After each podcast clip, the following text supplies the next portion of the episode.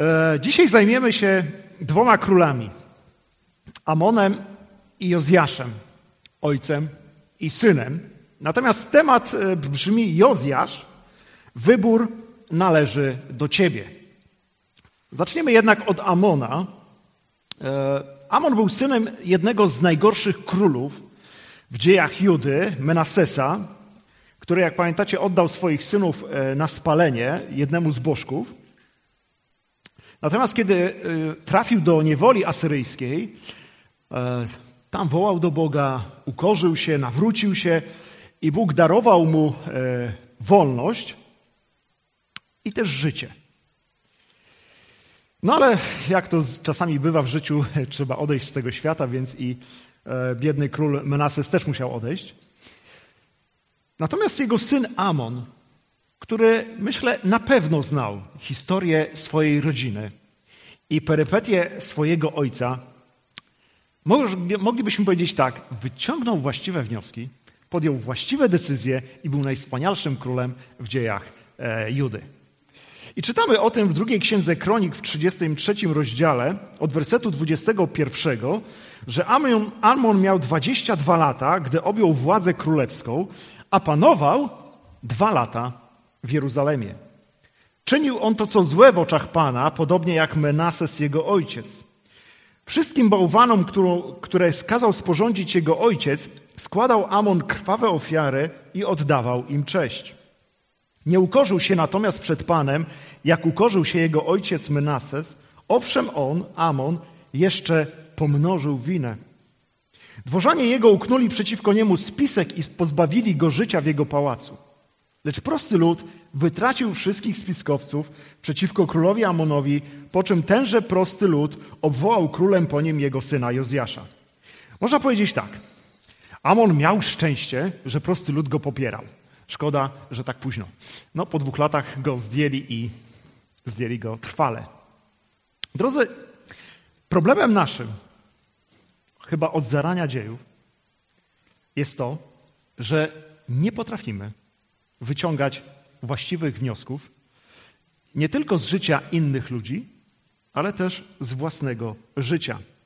Kiedyś Winston Churchill powiedział, że jedyną rzeczą, jaką uczy nas historia, to to, że większości ludzi niczego nie uczy. I dokładnie tak samo było z Amonem. Pomimo tego, że wiedział, jakie było cierpienie jego ojca, że przesiedział troszeczkę w lochu, o tym wszystkim upokorzeniu, jakiego też doznał, kiedy go schwytano, zakuto w kajdany i kiedy go zaprowadzono, nie wyciągnął jednak żadnej lekcji i skończyło się to dla niego źle. Salomon w przypowieściach powiada, że mądry boi się Boga i unika złego, lecz głupiec spoufala się z nim i czuje się bezpieczny. A na innym miejscu czytamy, że mądry, mądrzy dziedziczą chwałę, lecz głupcy są okryci hańbą. I Amon poprzez swoją głupotę został zamordowany, a jego panowanie trwało dwa lata. I powiem tak, no i my też nie mamy o czym tutaj rozmawiać dalej. Kończymy temat Amona. I w takich okolicznościach na scenie historii pojawia się młodziutki Jozjasz, którego Dziadek był największym bałwochwalcą, chociaż który pokutował i nawrócił się do Boga. Jego ojciec był bałwochwalcą, który nie pokutował i nie wrócił do Boga. I teraz ten młody Jozjasz musi podjąć decyzję. Będę mądry, czy będę zwykłym głupcem? W drugiej księdze Kronik w 34 rozdziale czytamy, że Jozjasz miał 8 lat. Objął on władzę królewską, a panował 31 lat w Jeruzalemie. Czynił on to, co prawe w oczach Pana, kroczył drogami Dawida, swojego praojca, nie odstępując od nich ani na prawo, ani na lewo. Możemy się zastanawiać, jak ośmioletni chłopczyk wiedział, jak należy postępować i podejmował właściwe decyzje.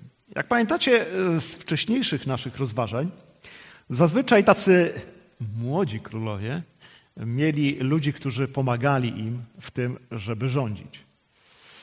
I albo trafił im się mądry zarządca, albo totalny głupiec. Akurat temu musiało przypaść w udziale dosyć mądre grono, ponieważ rzeczywiście czynił to, co dobre. I czytamy dalej e, w drugiej księdze Kronik w 34 rozdziale od wersetu trzeciego, że w ósmym roku swojego panowania, czyli kiedy miał już lat 16, chociaż jeszcze był młody, zaczął szukać Boga Dawida, swojego praojca, a w dwunastym roku, czyli kiedy miał lat 12, zaczął oczyszczać Judę i Jeruzalem ze świątyni na wzgórzach, z aszerów, bałwanów i odlewanych posągów. Powiedziałem 20, kiedy miał już 20. W jego obecności burzono ołtarze Baala. On kazał poutrącać znajdujące się nad nimi ołtarzyki kadzielne, rozbijać aszery i bałwany i odlewane posągi, pokruszyć na miał i rozrzucić na grobach tych, którzy składali im ofiary. Kości kapłanów wyżynnych kazał spalić na ich ołtarzach i tak oczyścił Judę i Jeruzalem. W miastach, na ich ruinach, wokół kazać, kazał burzyć ołtarze, rozbijać aszery i kruszyć bałwane na miał, poutrącał ołtarzyki kadzielniane z całą, całej ziemi izraelskiej, po czym powrócił do Jeruzalemu. W sumie mógł to zlecić komukolwiek, wyznaczyć, ty jedziesz tam, ty jedziesz tam, ty jedziesz tam, zadanie jest proste, burzycie, niszczycie, nie zostawiacie nic. A jednak doszedł do wniosku, że chyba lepiej będzie, kiedy to on sam dopilnuje tego wszystkiego, a z drugiej strony, kiedy ludzie zobaczą, że tak bardzo mu na tym zależy, że jest w tym obecny. Ale młody król nie poprzestał tylko i wyłącznie na burzeniu i niszczeniu.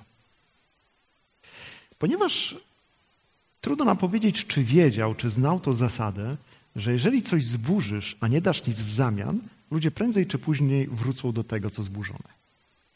Więc postanowił, że przyszedł czas, aby odbudować świątynię Pana, która w ostatnich latach, można powiedzieć, za sprawą różnych królów przechodziła pewne drobne zmiany, a mianowicie wprowadzano tam ołtarze różnych bogów. Jak czytamy w drugiej księdze Kronik w 34 rozdziale, dał pieniądze cieślom i murarzom na zakup kamienia ciosanego i drzewa nawiązania i na ściany budynków, które królowie judcy doprowadzili do ruiny. Mężowie ci wykonali swoją pracę nader sumiennie. A więc zobaczył budynek i też chciał jakby podnieść prestiż świątyni przez to, że zaczął ją remontować. Pokazać, że słuchajcie, no to jest chyba centrum naszego życia, więc trzeba o to zadbać. Apostoł Paweł, kiedy pisał swój pierwszy list do zboru w Tesalonice, napisał, bo oni sami, a więc ci wszyscy ludzie, którzy spotykali się z tymi ludźmi z tego zboru, opowiadają o nas, jakiego to u was doznaliśmy przyjęcia i jak nawróciliście się od bałwanów do Boga, aby służyć Bogu żywemu i prawdziwemu. Można powiedzieć tak, że nawrócenie to nic innego, jak porzucenie tego, co złe. Porzucenie dotychczasowego trybu życia, porzucenie jakichś nałogów, grzechów, a następnie zwrócenie się w kierunku Boga. I to zwrócenie się w kierunku Boga owocuje tym, że człowiek zaczyna żyć innym, nowym, zmienionym życiem. Niedoskonałym, ale innym, które z biegiem czasu staje się coraz bardziej doskonałe. Tesaloniczanie odwrócili się od bałwochwalstwa, zwrócili się ku Bogu i służyli Mu, tak jak napisał apostoł Paweł dalej, a wy staliście się naśladowcami naszymi i Pana i przyjęliście słowo w wielkim uciśnieniu z radością Ducha Świętego, tak iż staliście się wzorem dla wszystkich wierzących w Macedonii i w Achai. Od was bowiem rozeszło się słowo pańskie, nie tylko w Macedonii i w Achai, ale także wiara wasza w Boga rozkrzewiła się na każdym miejscu, tak iż nie ma potrzeby o tym mówić. Zmiana była trwała. Ludzie patrzyli na nich, zobaczyli, jak porzucili bożków, ale też zobaczyli, że ci ludzie trwają przy Bogu, zaczynają się rozwijać, stają się wzorem, a przy okazji zaczęli tą dobrą nowinę nieść dalej. Więc tutaj akurat dwutorowo poszło. Z jednej strony, przez to, że byli przykładem, ludzie się nawracali, którzy na nich patrzyli, z drugiej strony, kiedy nieśli Ewangelię. Dlatego Jozjasz wiedział, że samo zniszczenie świątyni niczego nie zmieni w jego królestwie. Ludzie prędzej czy później wrócą do tego, jeżeli nie będą mieli alternatywy. Dlatego remontuje świątynię, przywraca jej blask i nagle podczas tych prac dochodzi do przedziwnego zdarzenia. Dla nas może jest to niezauważalne, ale to jest dziwne, ponieważ znaleziono księgę zakonu. Rodzi się pytanie, a co oni Biblii nie mieli? No nie mieli. To znaczy przechowywali ją kapłani, bo zazwyczaj tylko oni potrafili czytać. Ale jak chłopaki zapomnieli, gdzie położyli, no to już tylko sprawowali kult. Czyli nie czytali słowa, nie wyjaśniali ludowi, ale sprawowali ofiary. Jeden z biblistów napisał, że każde mniejsze lub większe przebudzenie prawdziwej wiary związane było z ponownym odkryciem nauczania Słowa Bożego. Wielka reformacja XVI stulecia nie była tu wyjątkiem. Kiedy Martin Luther, od, Marcin Luther odkrył, że Słowo Boże ma wielką moc.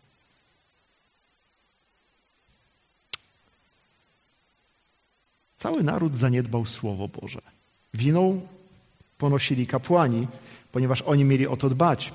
Salomon powiada, że gdzie nie ma objawienia, tam lud się rozprzęga, błogosławiony ten, kto przestrzega nauki. W Psalmie 119 zaszczytamy, że w przykazaniach Twoich nabrałem rozumu, dlatego nienawidzę wszelkie ścieżki kłamliwej. Słowo Twoje jest pochodnią nogą moim i światłością ścieżką moim. Jednak, drodzy, powiedzmy sobie tak, uczciwie i szczerze, że odnalezienie Słowa Bożego jeszcze nie oznacza zmiany. Iluż ludzi w Polsce i na Ukrainie ma w swoich domach Biblię? Dużo. To coś zmienia? No nie. Zaryzykuję jeszcze jedno stwierdzenie. Nawet czytanie Biblii wcale nie musi oznaczać zmiany. No bo to kolejna książka z cyklu, musisz ją przeczytać. Niektórzy też czytają Biblię dlatego, bo żeby Boży gniew tam na nich nie spadł, żeby pastor nie zapytał. I wiadomo. Zmiana następuje w momencie, kiedy to słowo zaczyna nas dotykać. I teraz, gdy otworzymy drugą księgę kronik, rozdział 34, czytamy, że kiedy już ją znaleźli, to jeden z pisarzy poszedł do króla i powiedział: Znaleźliśmy księgę. I gdy król usłyszał słowa zakonu, które zostały mu odczytane, rozdarł swoje szaty. I wtedy powiedział: Idźcie za, sięgnijcie rady Pana o mnie i po, o pozostałych w Izraelu i o Judzie, co do słów znalezionej księgi, gdyż wielki jest gniew Pana, jaki rozgorzał na nas za to, że nasi ojcowie nie przestrzegali nakazu pańskiego i nie postępowali zgodnie ze wszystkim, co jest napisane w tej księdze. Poszli więc, znaleźli człowieka, który, przez którego Pan przemawia, i on powiedział do nich tak: Tak mówi Pan Bóg Izraela. Powiedzcie temu mężowi, który przysłał was do mnie, oto tak mówi Pan, oto ja sprowadzę nieszczęście na to miejsce i na jego mieszkańców. Wszystkie przekleństwa zapisane w tej księdze, którą odczytano przed królem judzkim, za to, że opuściliście mnie i składaliście ofiary kadzidlane innym bogom, drażniąc mnie wszystkimi uczynkami swoich rąk, to też rozgorzał mój gniew na to miejsce i nie ochłonie. Królowie, królowi judzkiemu, który posłał was Powyrocznie Pana tak powiedzcie. Tak mówi Bóg Izraela. Co się zaś tyczy tych słów, które słyszałeś, ponieważ zmieniło Twoje serce i zmiękło, i ukorzyłeś się przed Bogiem, gdy usłyszałeś Jego słowa przeciwko temu miejscu i przeciwko Jego mieszkańcom i ukorzyłeś się i rozdarłeś swoje szaty i zapłakałeś przede mną, przeto usłyszałem i ja, mówi Pan. Oto ja przyłączę Cię do Twoich ojców i w pokoju będziesz złożony w Twoim grobie. Twoje oczy nie ujrzą całego tego nieszczęścia, jakie ja sprowadzę na to miejsce i na jego mieszkańców, a gdy oni przynieśli królowi tą odpowiedź, król odetchnął z ulgą. Znaleźli słowo, przyszli do króla, przeczytali i król się przejął. jakby czyniąc to, co czynił, a więc niszcząc świątynki i naprawiając świątynię, nie zdawał sobie sprawy, jak wielki jest grzech narodu. Jakby Słowo Boże pokazało mu niedostępne tereny, gdzie ten grzech był utkwiony gdzieś głęboko. I Jozjasz się przeraził. Jego serce, jak, powiadało, jak powiada słowo, zmiękło i pokutowało przed Bogiem. I to słuchanie słowa, ta jego zmiana doprowadziła do tego, że król rozesłał wezwanie i zgromadził wszystkich starszych u siebie. I potem kazał odczytać przed nimi wszystkie słowa księgi przymierza znalezione w świątyni Pana. Następnie stanął król na swoim miejscu i zawarł przed Panem przymierze, że będą chodzić za Panem i przestrzegać Jego przykazań, rad i ustaw z całego swojego serca i z całej swojej duszy, wypełniając słowa przymierza zapisane w tej księdze. I kazał przystąpić do przymierza wszystkim, którzy znajdowali się w Jeruzalemie i w Beniaminie, a mieszkańcy Jeruzalemu postąpili zgodnie z przymierzem Boga, Boga ich ojców. Jozjasz usunął też wszystkie obrzydliwości ze wszystkich ziem, które należały do synów izraelskich, nakłonił też wszystkich, którzy znajdowali się w Izraelu, do służenia swojemu Bogu. Przez całe jego życie nie odstąpili oni od Pana, Boga ich ojców. Jozjasz wiedział, że jakby to, że jego życie się zmieniło, to dobrze. Można powiedzieć, udało mi się, reszta mnie nie interesuje. Ale on był królem, odpowiedzialnym za naród. Doszedł więc do wniosku, że dobrze by było, żeby też starsi, którzy odpowiadają za kolejne plemiona, za kolejne jakby mniejsze warstwy, też to zrozumieli. Zebrał ich, odczytał im słowo i powiedział czas, żebyśmy podjęli decyzję. To nie jest czas, że no może to zrobimy. Musicie się określić tu i teraz. Czy idziecie razem ze mną, czy też odchodzicie? Jak czytamy, ci ludzie poszli za nim. Poszli nie dlatego, że im kazał, ale dlatego też, że nastąpiła zmiana w jego życiu. Widzieli, że to nie jest tylko takie przedwyborcze wołanie, no, bo chcę następną kadencję, ale dlatego, że ten człowiek doznał zmiany przez Słowo Boże.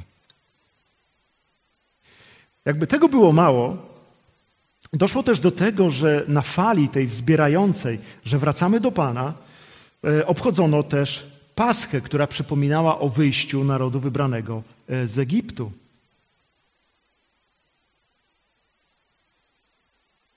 Można powiedzieć, że pod wpływem słowa Jozjasz dostał od Boga taką możliwość, aby zreformować go jeszcze głębiej. Ponieważ jakby problemem nas, ludzi jest to, i to dotyka wszystkich rządów na całym świecie, że wprowadzamy reformy odgórnie, natomiast nikt nie dba o to, co jest w ludzkim sercu. Dlatego te reformy nigdy się nie udają. Bo natura ludzka nie zostaje zmieniona. Jest coś nam narzucone od góry, wiemy, że mamy to robić, bo są kary, nie ma nagród. No i trzeba. Natomiast Jozjasz wiedział, że to nie zadziała. Potrzeba czegoś więcej. W liście do Hebrajczyków jest powiedziane, że Słowo Boże jest żywe i skuteczne ostrzejsze niż wszelki miecz obosieczny, przenikające aż do rozdzielenia dusza, duszy i ducha, stawów i szpiku, zdolne osądzić zamiary i myśli serca. I nie ma stworzenia, które by się mogło ukryć przed nim. Przeciwnie, wszystko jest obnażone i odsłonięte przed oczami tego, przed którym musimy zdać sprawę. To Słowo Boże, a nie tylko i wyłącznie reformy, czy to, że sobie coś ustalimy, powoduje to, że odsłania nasze serca przed Bogiem. Odsłania te wszystkie zakamarki, gdzie żeśmy upchnęli to, co dla nas wstydliwe, trudne, to, o czym chcielibyśmy zapomnieć, do czego chcielibyśmy nie wracać. Ale tam wchodzi słowo. Jest jak rentgen, które nas prześwietla. Dlatego czasami nie chcemy czytać słowa. Nie dlatego, że nie lubimy Boga, ale nie chcielibyśmy, żeby o wszystkim nie tyle wiedział, co wszystkiego dotykał. Bo może się okazać, że przyjdzie taki moment, że trzeba będzie zacząć pokutować. Wyznawać, przepraszać, dokonać zmiany w swoim życiu. I to jest trudne. Jednak w tym wszystkim wydarzyła się pewna dziwna rzecz. E, jeżeli czytaliście kiedykolwiek ten fragment i nie zwrócił waszej uwagi, to rozumiem. Ja natomiast się zdziwiłem. Ponieważ kiedy już Jozjasz dokonał tej wspaniałej reformy, kiedy już wszystko szło we właściwym kierunku, pewien król egipski postanowił wyruszyć, aby walczyć z innym królem. Natomiast Jozjasz myślał, że chodzi o niego, że wyruszył po to, żeby zdobyć jego królestwo. I wtedy tamten wysłał do niego posłów z takim oto poselstwem. Co jest między nami, królu judzki? Nie przeciwko tobie dziś wyruszyłem, lecz przeciwko domowi, z którym jesteś w stanie wojny. Bóg ka zaś kazał mi, ażebym się spieszył. Nie sprzeciwiaj się Bogu, który jest ze mną, abym cię nie wygubił. Lecz Jozjasz nie zaniechał go. Owszem, szykował się, aby się z nim rozprawić, nie słuchając słów Necha, które jednak pochodziły z ust Bożych i ruszył do bitwy na równinie Megiddo. Wtedy ucznicy trafili króla Rozjasza. Wtedy król kazał swoim sługom wywieźcie mnie stąd, bo zaraz umrę. Wyciągnęli go, natomiast Jozjasz zmarł. Nadciąga król, który jest poganinem. Nie chciał zwalczyć z Jozjaszem, tylko z innym królem, ale musiał przejść przez ziemię. Ale Jozjasz był z tamtym w przymierzu. I mówi do niego, nie walczę z tobą, odpuść, stań z boku. Ale Jozjasz nie zrozumiał tego. Rodzi się pytanie, dlaczego nie rozpoznał e, Bożego głosu. Człowiek, który został dotknięty przez Słowo, przemieniony przez Słowo, który też poszedł dalej, aby reformować swój naród. I powiem tak, na jego usprawiedliwienie można powiedzieć tak. Skoro od swojej młodości walczył z bałwochwalstwem u siebie, to dlaczego miał posłuchać bałwochwalczego króla? Prawda? Był w tym stały. Chociaż znając inne historie Starego Testamentu, można by zapytać, dlaczego nie zapytał Pana, co ma zrobić. Czasami są takie historie, jak na przykład z Gibeonitami, którzy przyszli, że oni mieszkają bardzo daleko, kiedy Izrael już wkraczał do ziemi. Za, weźcie z nami, zawiążcie przymierze. Oni zawarli przymierze, nie pytając Pana, potem się okazało, że kolesie mieszkają tuż za rogiem, nie? ale już nie można było zmienić przymierza.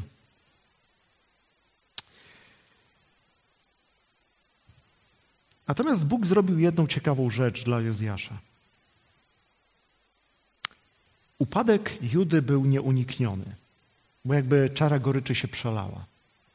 Ale Bóg obiecał mu, że ty tego nie ujrzysz na własne oczy. Można powiedzieć, odejdziesz w miarę w pokoju. Pozwolę ci umrzeć i zostawić kraj we wspaniałej kondycji duchowej. I Bóg dotrzymał słowa. E, z kim lub z czym kojarzy wam się prorok Jeremiasz? Jaki to był prorok?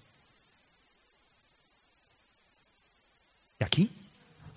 Płaczący. Wyszedł z domu i już płakał. No gość miał, generalnie rzecz ujmując, nigdy nic dobrego do powiedzenia. Tak jak ja. E, I rzeczywiście zawsze miał pretensje do Boga, że on taki umęczony, taki straszny i po co w ogóle go to spotkało, po co się urodził i tak dalej, i tak dalej. Natomiast, drodzy, zaskoczę was. W księdze Jeremiasza jest pewien akapit. Dziwny, jak na Jeremiasza. W 22 rozdziale od wersetu 11 czytamy e, tak bowiem mówi Pan o Szelumie, synu Jozjasza, króla judzkiego, panującym po Jozjaszu, swoim ojcu. To jest skierowane słowo do następcy Jozjasza. Ten, który odszedł z tego miejsca, nie wróci już tutaj.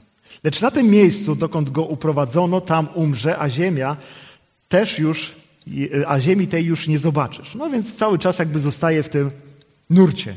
Biada temu, który buduje swój dom na niesprawiedliwości, a górne komnaty na bezprawiu, swojemu bliźniemu każe za darmo pracować i nie daje mu jego zapłaty.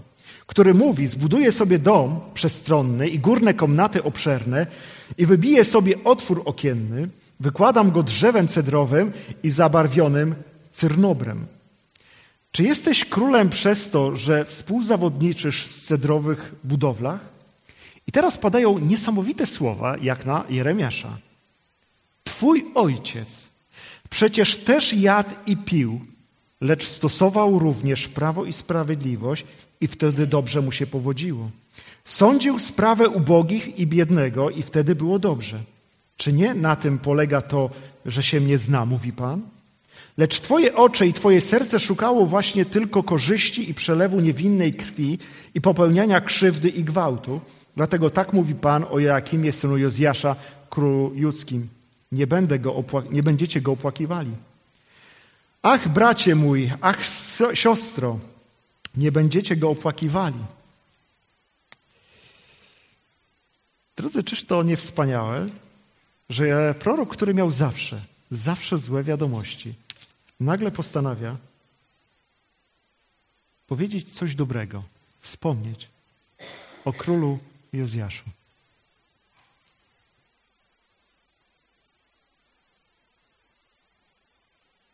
To dziwne. Taki wyłom u proroka. Ale to pokazuje, jak wielka rzecz za czasów Jozjasza wydarzyła się właśnie w Judzie.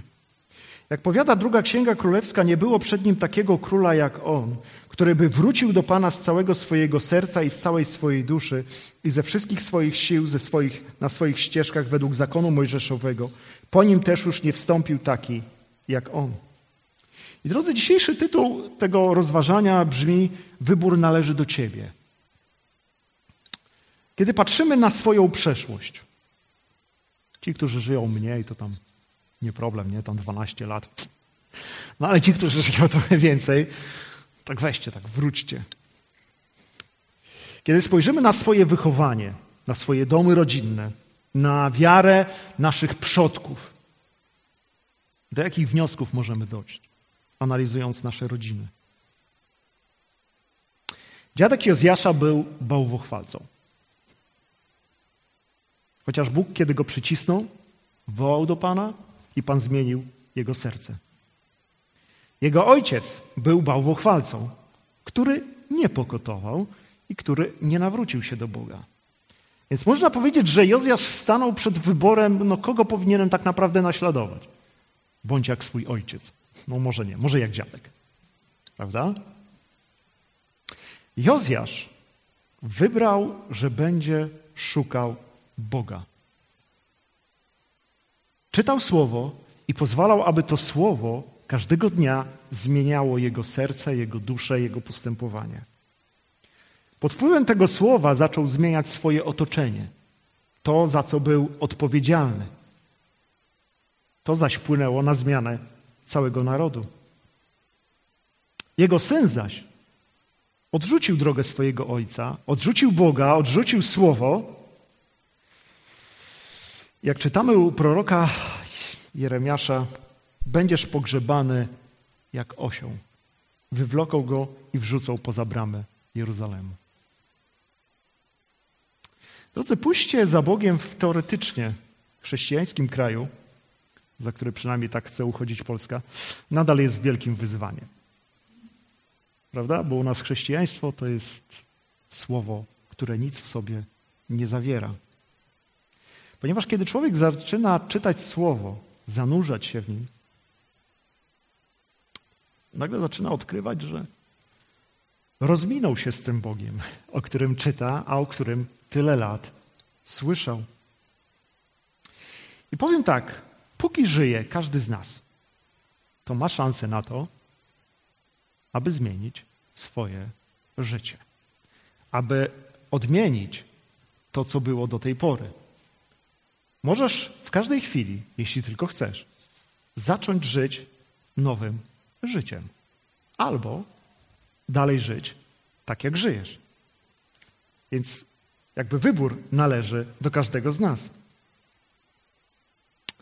Drodzy, nie tylko nasze życie, które prowadziliśmy w naszych domach, odciska na nas piętno, ale także dłuższe przebywanie w kościele wywiera na nas pewną presję i pozostawia pewien ślad. Ci wszyscy, którzy wyrośli w tym zworze, widzieli już różne rzeczy. I słyszeli różne rzeczy, braliście udział w pewnych rzeczach. To ukształtowało też wasze myślenie i podejście do pewnych rzeczy. Każdy zbór ma swoje jasne i ciemne strony.